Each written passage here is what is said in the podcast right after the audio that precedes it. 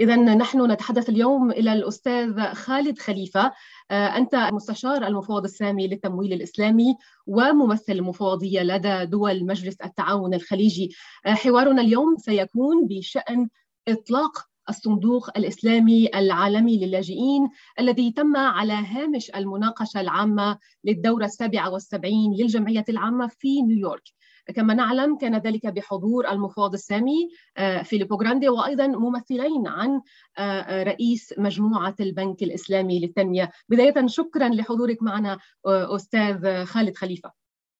شكرا لك معي وشاكر على هذا اللقاء. شكرا اولا أستاذ خليفة ما أهمية إطلاق هذا الصندوق في هذا الوقت بالذات وكيف سيساعد اللاجئين خاصة من هم في منطقتنا المنطقة العربية التي للأسف ما زالت تعاني من أزمات أمنية سياسية واقتصادية متشابكة. نعم. آه، هذا سؤال جيد جدا في محله. آه، ربما يجب التنويه أن عدد المهجرين قسرا أو الأشخاص الذين آه، تركوا بيوتهم سواء كانوا داخل بلدانهم أو خارجها قد زاد هذا العام عن 100 مليون شخص وهذا رقم كبير ومخيف ويزيد عن واحد بالمئة من إجمالي تعداد البشر في العالم. آه، ولكن الرقم في حد ذاته آه، ليس هو المهم المهم هو التوزيع الديموغرافي لهذا الرقم. آه، يزيد عن 60% من هذا الرقم يأتون من الدول الأعضاء في منظمة التعاون الإسلامي وهي نفس الدول التابعة للبنك الإسلامي للتنمية.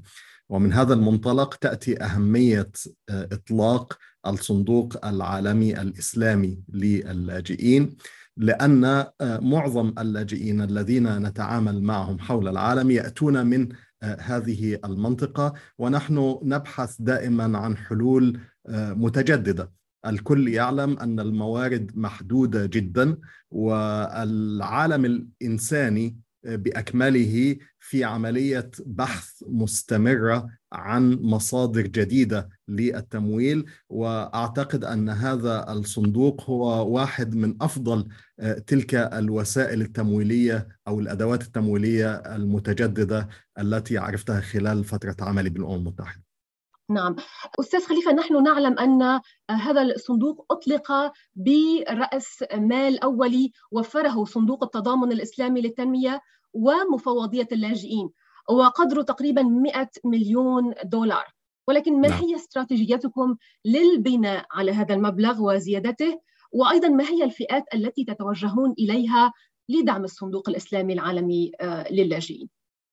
الصندوق منقسم في الواقع إلى قسمين. آه، قسم ممول من آه، صندوق التضامن الإسلامي وهو الذراع التنموي المكافح للفقر داخل منظومة البنك الإسلامي للتنمية وهذا الصندوق هو وقفي. في طبيعته يعتمد على آلية الوقف الإسلامي وقد أودع فيه صندوق التضامن الإسلامي 50 مليون دولار كما تفضلت. والصندوق الآخر هو صندوق غير وقفي آه، أودعت فيه المفوضية السامية الأمم المتحدة لشؤون اللاجئين 50 مليون دولار آه، أخرى. والسبب من هذه الآلية هي توفير خيارات أمام المانحين. لمن يرغب الإيداع في صندوق وقفي نعم. آه، هناك نافذة لذلك ومن يرغب في الإيداع في صندوق غير وقفي هناك أيضا نافذة آه، لذلك يجتمع الصندوقان مرتين مرة في الاستثمار بمعنى أن المبلغ سيتم استثماره آه، مجملا من خلال البنك الإسلامي للتنمية ويجتمعون مرة أخرى في الربح الربح الناتج عن الاستثمار. يجتمع مرة أخرى في صندوق نهائي يتم توفير تمويل من خلاله للبرامج التي تهدف إلى خدمة اللاجئين. المئة مليون هي البذرة الأولى في هذا الصندوق وليس الهدف الذي نرنو إليه. فالمستهدف الأولي لهذا الصندوق هو 500 مليون دولار أو نصف مليار دولار.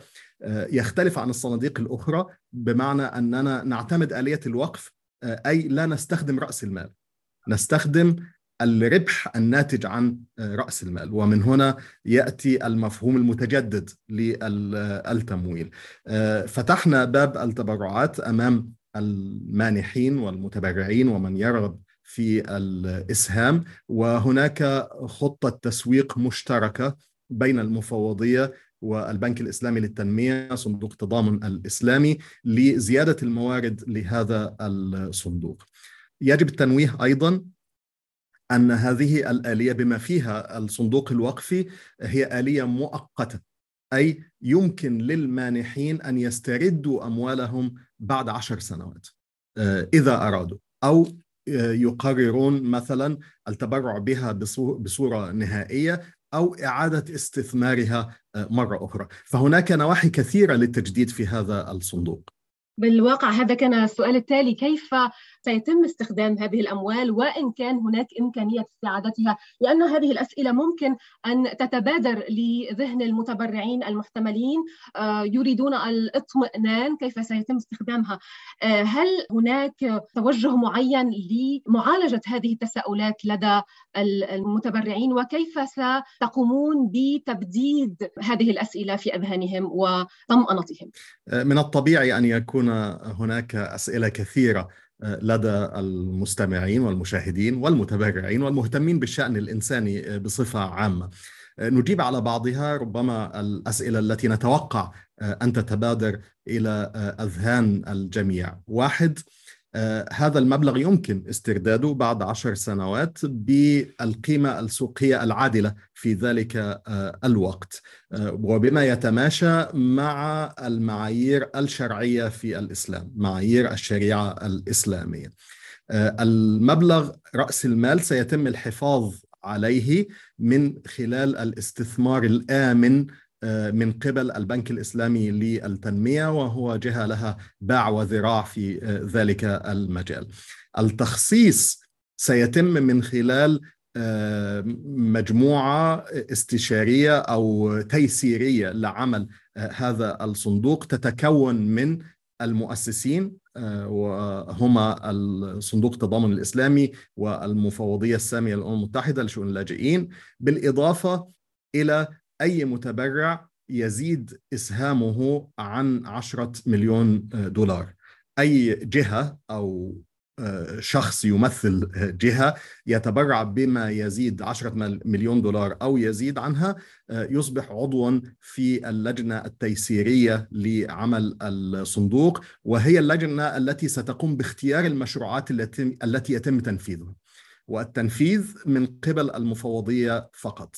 آه، وهذا ما تم الاتفاق عليه مع البنك الإسلامي وصندوق التضامن أن التنفيذ يتم من خلال مكاتب الأمم المتحدة المنتشرة في الدول الأعضاء في البنك الإسلامي وهم 57 دولة. لابد لي أن أسأل هنا عن آه، آليات أخرى آه، اشتهرت بها وأنشأتها مفوضية الأمم المتحدة لشؤون اللاجئين سابقا والتي كانت تعتمد أيضا على أدوات التمويل الاجتماعي الإسلامي مثل الزكاة والصدقات، كيف سينسق الصندوق الجديد عمله بالتوازي مع هذه الآليات القائمة؟ الصندوق الجديد هو خطوة في اتجاه إضافي لبرنامج العمل الخيري الإسلامي التابع للمفوضية. وأكاد أزعم أن المفوضية هي الجهة الأكثر تقدما في هذا المجال داخل المنظومة الأممية. لا أعرف عن جهة أخرى لديها مكتب متكامل للتمويل الخيري الإسلامي وفريق عمل منتشر في شتى بقاع الأرض. تفضلت بذكر صندوق الزكاة. صندوق الزكاة للاجئين تم تأسيسه وإطلاقه رسميا في عام 2017 وأصبح الآن آه، من الأدوات التي يعتمد عليها المانحون في إخراج أموال آه، زكاتهم. بلغنا حتى الآن آه، ما يقارب ال 200 مليون دولار تلقيناها من المتبرعين خلال السنوات الماضية. وأنفقناها بالكامل على النازحين واللاجئين في الدول المستحقة. ننفذ مشاريع الزكاة في 13 دولة فقط 13 دولة فقط رغم أن المفوضية تعمل فيما يزيد عن 137 دولة حول العالم ولكن تلك الدول هي التي نضمن فيها المطابقة للشريعة في التنفيذ. ويتم التنفيذ بآلية تعتمد على 100% من الإنفاق أي ما نحصل عليه يتم تخصيصه بالكامل للاجئين ونغطي جميع المصاريف من جهات أخرى. وقد حصل الصندوق على 15 فتوى آه، من جهات مختلفة حول العالم. فأصبحت الزكاة آلية معتمدة واضحة آه، يثق فيها المانحون. وتكبر كل عام الحمد لله. وكان لزاما علينا أن نبحث عن آلية أخرى لأن التجديد مطلوب في عملنا فبدأنا منذ ثلاث سنوات نبحث موضوع الوقف كآلية إضافية من أدوات العمل الخيري الإسلامي. والتفاوض والنقاش وتصميم البرنامج مع البنك الإسلامي وصندوق التضامن أخذ ثلاث سنوات. فللمستمع أن يتخيل نعم. كم الجهد المبذول في هذا بالفعل. الاتجاه. في المستقبل إن شاء الله سنتوجه إلى الصكوك الإسلامية كأداة إضافية من أدوات التمويل الإسلامي. إن شاء الله. أستاذ خليفة أنت كنت تعمل سابقا مع مكتب تنسيق الشؤون الإنسانية الأوتشا. ولا شك أنك تعلم عن سيرف أو الصندوق المركزي لمواجهة الطوارئ. كما نعلم سيرف لديه إمكانية صرف أموال بسرعة عندما تقع مأساة معينة مثل ما حدث مؤخرا في باكستان في أعقاب الفيضانات الأخيرة. هذا الصندوق لا يرجع إلى أشخاص معينين لا يحتاج الحصول على موافقة أشخاص معينين لصرف الأموال ومساعدة من هم في أزمة. إذا أردنا أن نقارن بين الصندوق الجديد للاجئين وسيرف فهل هناك إمكانية لأن يصرف الصندوق الإسلامي العالمي للاجئين الأموال في حال وقوع هكذا مأساة أم أنه يتميز بخصائص أخرى وربما هناك آلية معينة تلزمه بسير معين؟ سؤال جيد جدا. أتمنى أن يكون في العالم سيرفا اسلاميا إذا صح التعبير نعم. آه، واستخدام الاختصار باللغة الإنجليزية. السيرف آه، أو الصندوق المركزي للاستجابة للطوارئ آه، آلية مفيدة جدا. تختلف بعض الشيء عن الصندوق الإسلامي العالمي للاجئين. فالغرض من هذا الصندوق ليس الاستجابة للطوارئ ولكن الاستجابة لأزمات التمويل. فلدينا عدد كبير جدا من الدول الإسلامية على حد الخصوص. لا يوجد لديها ما يكفي حتى للاستجابة الأساسية للبرامج المستمرة وهناك دول بها لاجئون يعيشون فيها منذ عشرات السنين. اللاجئون الأفغان مثلا يعيشون في باكستان وفي إيران منذ أكثر من 42 سنة. واللاجئون الصوماليون يعيشون في كينيا وغيرها لأكثر من 30 سنة حتى الآن. آه، ولكن هناك دول أيضا آه، بها برامج صغيرة مثل موريتانيا وتشاد والنيجر وغيرهم لا تتوفر لتلك الدول الأموال الكافية. يهدف هذا الصندوق لتغطية جزء من هذا العجز التمويلي للبرامج طويلة المدى في تلك آه، الدول.